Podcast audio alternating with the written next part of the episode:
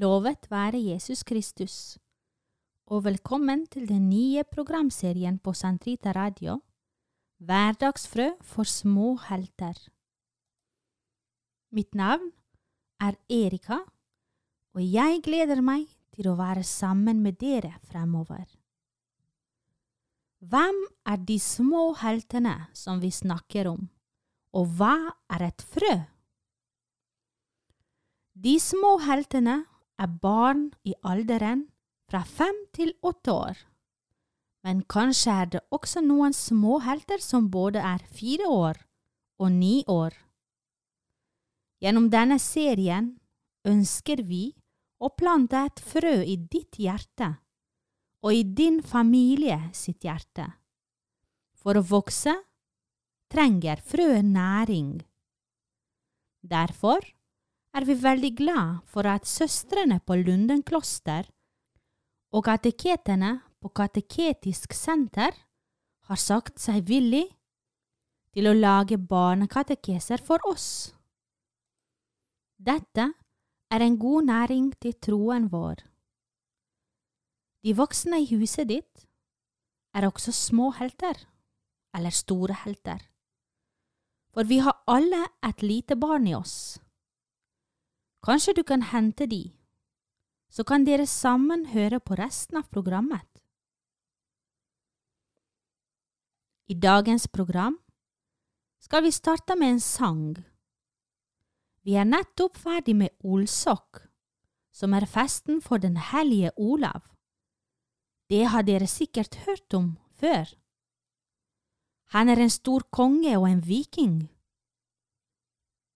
Jeg sier at han er konge og viking fortsatt, selv om han døde for lenge siden, fordi han fremdeles er med oss, som en helgen i himmelen. En helgen er en god venn av Gud, som er kommet frem til himmelen. Helgener skal vi snakke mer om senere i år slik at dere kan lære mer om dem. Den hellige Olav har tittelen Norges evige konge. I dag skal vi lære å synge sangen om hellige Olav, han som kristnet folk og land. Men hva betyr det? Hva betyr det at hellige Olav kristnet folk og land? Hellige Olav var konge i Norge, og han var kristen. Han ble kristen. Hellige Olav gjorde Norge til et kristent land med kristne regler og verdier. Han innførte noe som ble kalt kristenretten i Norge. Det betydde at Norge som land måtte følge de kristne reglene. Man kunne ikke lenger være stygge med hverandre eller drepe hverandre som de gjorde før. Hellige Olav, han døde på Stiklestad for ca. 1000 år siden. Et år etter at han døde, åpnet de graven hans, og den luktet av gode lukter. Dette er en av måtene Gud bruker på å fortelle oss at noen er kommet hjem til ham i himmelen. Der vi også vil gå, og derfor vi forbereder oss mens vi bor her på jorden. Nå har vi med oss Frøydis og et lite barnekor og sammen lære oss sangen Be for oss, Hellige Olav. Hvis dere kan det allerede, kan dere synge med. Og etter det vil pater Sigurd lese en bok for oss om livet til en edderkopp som bor i et kloster i Oslo. Han heter Freddy og er veldig nysgjerrig på hva som skjer i en kirke og i et kloster. Boken er skrevet av søster Anne Elisabeth og utgitt på St. Olav forlag. Nå tenkte vi at vi skulle lære dere be for oss Hellig Olav, og den er det kanskje mange av dere som har hørt når dere har vært i kirken.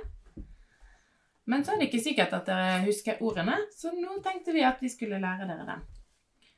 Da kan jeg si en setning, og så sier dere etter meg. Okay. Be for oss, Hellig Olav, Be for oss, Hellig Olav, Norges evige konge. Norges evige konge. Du som kristnet folk og land, Du som kristnet folk og land. Kristi tjener kong Olav. Kristi tjener kong Olav. Be for oss, Hellig Olav, Be for oss, Hellige Olav. Norges evige konge. Norges evige konge. Ja, kjempefint. Og så kan jeg synge hele sangen en gang, og så kan dere bli med og synge etterpå. Be for oss, Hellig Olav,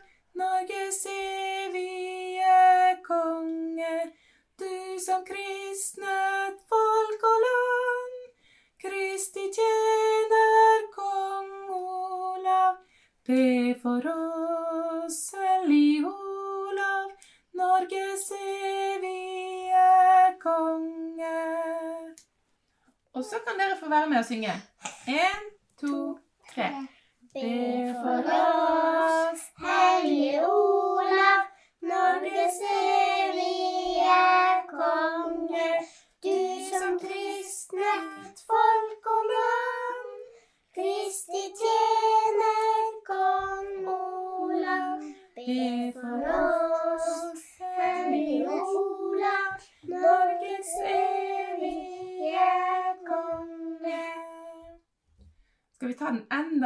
gang, sånn at vi lærer oss den ordentlig? Dere er så flinke. En, to, tre.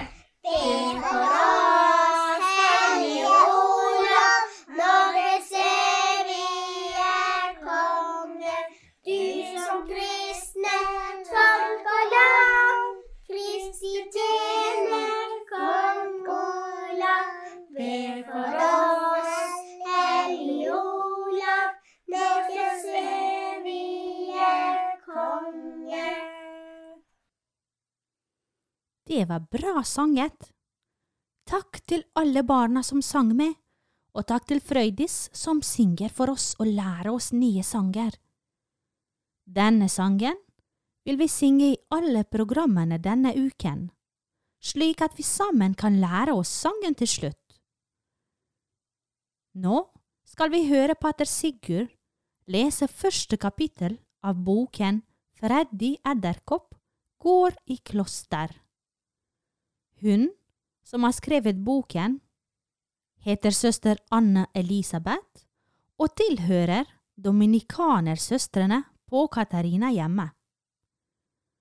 Søster Anne Elisabeth feiret nettopp 25 år i kloster, så vi ber litt ekstra for henne denne uken.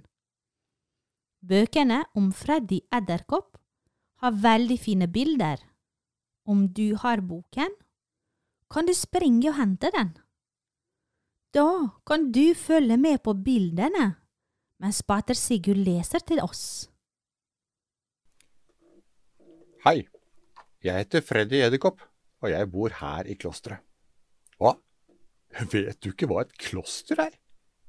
Uff da, det tenkte jeg ikke på. Kanskje du vil være med og se? Jeg vet det meste om dette klosteret, skjønner du. Jeg er født her, og familien min har bodd her i generasjoner. Det finnes mange typer klostre. I noen bor det kvinner, i andre menn. Her hos meg bor det kvinner, og de kalles dominikanerinner. Det heter de fordi han som startet denne type kloster, han het Dominikus. Det er nemlig slik at klostrene ofte får navn etter den som starter dem. Dominikus levde for veldig lenge siden.